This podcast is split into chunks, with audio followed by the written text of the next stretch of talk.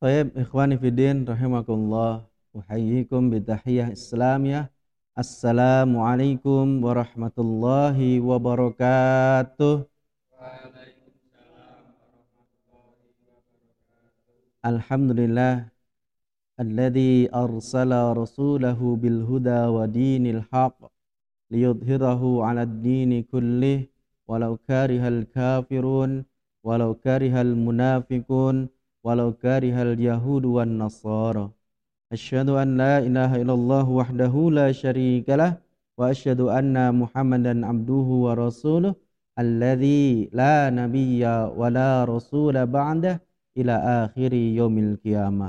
اللهم صل وسلم وبارك على نبيك محمد ابن عبد الله وعلى آله وأصحابه الراضية المرضية wa 'alal ladina man tamassaku bidinillah ila akhiri yaumil qiyamah. Amma ba'du. Ikhwani rahimakumullah wa arsyadakumullah jami'an. Kaifa halukum? Bi khair insyaallah alhamdulillah ikhwani fidin teman-teman semuanya para pemuda yang insya Allah dalam lindungan, dalam naungan Allah Subhanahu wa taala. Lalu kita panjatkan rasa syukur kita kepada Allah Subhanahu wa taala yang telah memberikan kita kekuatan, berikan kita kesempatan, memberikan kita berbagai macam kenikmatan, terutama yang masih muda-muda ini potensi yang masih luar biasa. Kalau potensi ini tidak kita hidupkan, potensi ini tidak kita gerakkan nanti akan menjadi hal yang mubazir. Maka mumpung masih muda, langkah masih cepat, tubuh masih kuat, pikiran masih hebat, maka kita manfaatkan sebaik mungkin. Taib ikhwani fiddin rahimakumullah pada kesempatan kali ini ladayya kitabun saya ada kitab ini judulnya Sahih Qasasil Quran yang mana kitab ini Ikhwan Ifidin ditulis oleh Syekh Hamid Ahmad Tohir Al-Basyuni. Ini cetakan dari Darul Hadis Al-Qahirah Misra. Kemudian ini cetakan tahun 2005 Ikhwani. Ini tentang Sahih Qasasil Quran yakni kisah-kisah yang Sahih kisah-kisah dalam Al-Quran yang mana sama penulis sama beliau Syekh Ahmad Tohir ini Hamid Ahmad Thohir ini beliau melakukan penelitian yang mendalam kisah-kisah yang ada dalam Al-Quran itu beliau teliti dengan penguat-penguat hadis-hadis yang sohih, hadis-hadis yang hasan, hadis-hadis yang jauh dari doif apalagi maunduk. Maka kitab ini Ikhwan Ifidin sangat bagus sekali kita rekomendasikan untuk kita pelajari, untuk kita baca, kita ambil ibrohnya dan juga kita ambil hikmah daripada kisah-kisah yang disampaikan dalam Al-Quran. Kemudian ikhwan fidin rahimakumullah, kalau kita perhatikan ini di dalam Al-Quran itu teman-teman, ternyata paling banyak yang termaktub indeks atau isi isi dari Al-Quran itu adalah bab tentang nama akidah ternyata Al-Quran ini yang paling banyak isinya, isi dalam Al-Quran itu mencakup tentang akidah. Dan kemudian setelah akidah itu adalah kisah. Dan kisah-kisah ini ikhwani fidin ternyata juga mengandung tentang akidah. Maka memang dakwah yang paling baik, dakwah yang paling benar itu paling utama adalah dakwah tentang akidah. Dan kisah-kisah ini tujuannya adalah tidak lain dan tidak bukan menguatkan akidah kita, terutama yang masih muda-muda ini, supaya kita tidak salah jalan. Tayyib ikhwani fidin, kalau kita perhatikan, kenapa banyak kita temukan kisah-kisah dalam Al-Quran. Limada wajadna qasas kasirah fil Quran. Banyak sekali kita temukan kisah-kisah dalam Al-Quran. Ternyata kalau kita perhatikan kisah ini adalah suatu hal yang sangat asik, suatu hal yang sangat menarik, baik anak kecil sampai orang tua itu senang dengan kisah.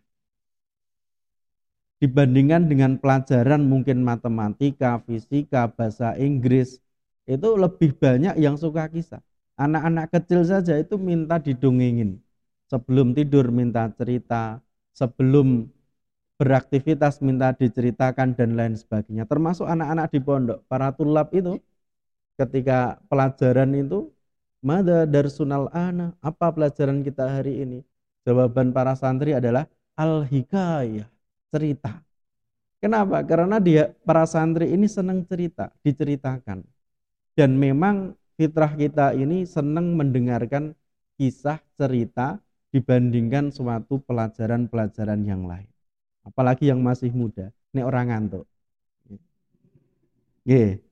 Kemudian ikhwan Fidin, selanjutnya adalah karena kisah lahu asarun kabirun fi nufusina. Kisah ini memiliki dampak pengaruh yang luar biasa pada kepribadian kita. Karena dengan kisah ini bisa memotivasi seseorang, kisah ini insya Allah bisa merubah seseorang atas izin dari Allah Subhanahu wa taala. Nah, adapun di sini ikhwan Fidin oleh penulis beliau maktubkan dalam kitab ini ada 36 36 kisah dimulai dari kisah badil khalqi awal mula penciptaan kemudian kisah Adam alaihissalam kisahnya Nabi Adam kemudian kisah ibnai Adam kisah kedua putra Nabi Adam kemudian Idris alaihissalam dan seterusnya sampai nanti al akhir Kisatu ashabul fil, kisatu ashabil fil. Kisah tentang pasukan bergajah. Insyaallah ikhwani fidin di sini dalam mukadimah penulis mengatakan laqad hawalna fi hadhihi fi hadhihi dirasah an-nasil wa huwa amrun sa'bun bil qasas ila mustawal hadisin nabawi fi riwayatihi ba'idan an kadabil kadzabin bahwasanya beliau berusaha dengan sekuat tenaga dengan susah payah suatu perkara yang sulit. Kenapa? Karena beliau mencantumkan kisah-kisah dalam kitab ini yang diambil dalam Al-Quran, kemudian dikuatkan dengan hadis-hadis Rasulullah Shallallahu Alaihi Wasallam, yang mana hadis-hadis yang dipilih, hadis-hadis yang sohi, hadis-hadis yang hasan, hadis-hadis yang jauh dari hadis doif, apalagi hadis maudhu, hadis palsu. Maka ini sangat kita rekomendasikan untuk kita baca, kita pelajari sebagai motivasi kita dalam tolabul ilmi. Kemudian ikhwani fidin, di sini penulis mengatakan ada ma wadifatul kisah fil Quran. Apa fungsi faidah manfaat dari kisah-kisah yang ada pada Al-Quran? Yang pertama, ikhwani fidin, al-ibratu wal-idzatu. Yang pertama adalah ibrah apa itu ibroh? Suatu pelajaran yang untuk kita ambil hikmahnya, kemudian kita praktekkan, aplikasikan dalam kehidupan kita. Jadi tidak hanya sekedar pelajaran, kemudian kita ambil hikmahnya, tok boten. Tapi setelah kita ambil hikmahnya, bagaimana implementasi, mengaplikasikannya, mempraktekannya dalam kehidupan kita. Kalau itu kisah tentang seorang sahabat atau kisah tentang seorang nabi yang berjuang dengan curahan keringat sampai darah untuk dakwah, maka kita contoh semangat beliau. Kalau itu kisah tentang suatu hal atau suatu orang yang melanggar syariat, tidak patuh pada nabi, bahkan memusuhi nabi, kemudian akhirnya diazab oleh Allah, maka kita ambil hikmahnya, kemudian jangan sampai kita seperti mereka-mereka yang diazab oleh Allah Subhanahu wa taala. Wa naudzubillahi min dzalik. Wal aidah dan nasihat. Maka sebaik-baik nasihat itu bukanlah perkataan kita, tapi sebaik-baik nasihat ini adalah Al-Qur'an. Sebaik nasihat sebaik-baik nasihat yang bisa merasuk ke dalam jiwa adalah kita ambil dari kisah-kisah yang ada pada Al-Qur'an.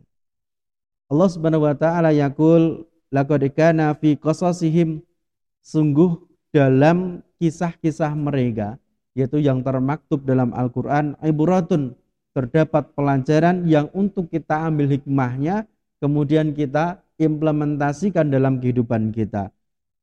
Untuk siapa? Liulil albab, untuk orang-orang yang berakal, orang-orang yang mau mengambil pelajaran, orang-orang yang mau memperhatikan apa yang ada di sekitarnya.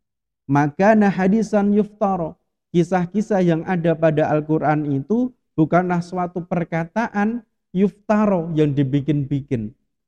Bukan bikinannya Nabi Muhammad, bukan bikinannya para sahabat dan lain sebagainya. Tetapi walakin firman Allah Subhanahu wa taala tasdiqal ladzi baina yadayhi. Kisah-kisah yang termaktubkan dalam Al-Qur'an sebagai penguat daripada kitab-kitab sebelumnya. Wa tafsila kulli syai' dan menjelaskan segala sesuatu kepada Nabi Muhammad SAW beserta umat Islam ini wahudan petunjuk maka dalam kisah ini ada petunjuk siapa yang mengalami kesusahan dalam hidupnya lihat petunjuknya kita lihat kisah-kisah barangkali kehidupan kita bisa termotivasi dapat petunjuk dari kisah yang ada pada Al-Quran. Warahmatan. Kemudian tidak hanya sekedar petunjuk, tapi rahmat, keberkahan. Maka siapa yang ingin hidupnya penuh dengan keberkahan, kita pelajari Al-Quran, kita buka kisah-kisah yang ada pada Al-Quran, kita buka lembaran-lembaran orang-orang salafus soleh terdahulu, para anbiya, para rasul, orang-orang yang bagaimana Allah berikan keberkahan walaupun mungkin hidupnya buat kita susah. Mungkin uripe rekoso, mungkin hidupnya menjadi musuh penguasa, tapi ternyata hidupnya penuh dengan keberkahan. Kemudian liqaumi yu'minun bagi kaum umat yang beriman. Maka kalau tidak beriman ya dia tidak mendapatkan petunjuk, dia tidak mendapatkan rahmah, keberkahan dari kisah-kisah yang ada pada Al-Qur'an. Kemudian dan nanti ikhwani fidin antum buka iftah surah Yusuf ayat 111. Kemudian ibrah yang kedua ikhwani fidin tasbitu qalbin Nabi sallallahu alaihi wasallam wa man ma'ahu minal mu'minin. Adalah menguatkan meneguhkan hati Rasulullah sallallahu alaihi wasallam dan para sahabat yang bersama beliau. Dan tidak berhenti dengan para sahabat dan Rasulullah sallallahu alaihi wasallam tetapi sampai pada kita yang hari ini berdakwah, yang hari ini berjuang, yang hari ini berislam, beriman, maka ini ada motivasi dari Allah untuk menguatkan hati kita supaya sabar dalam perjuangan.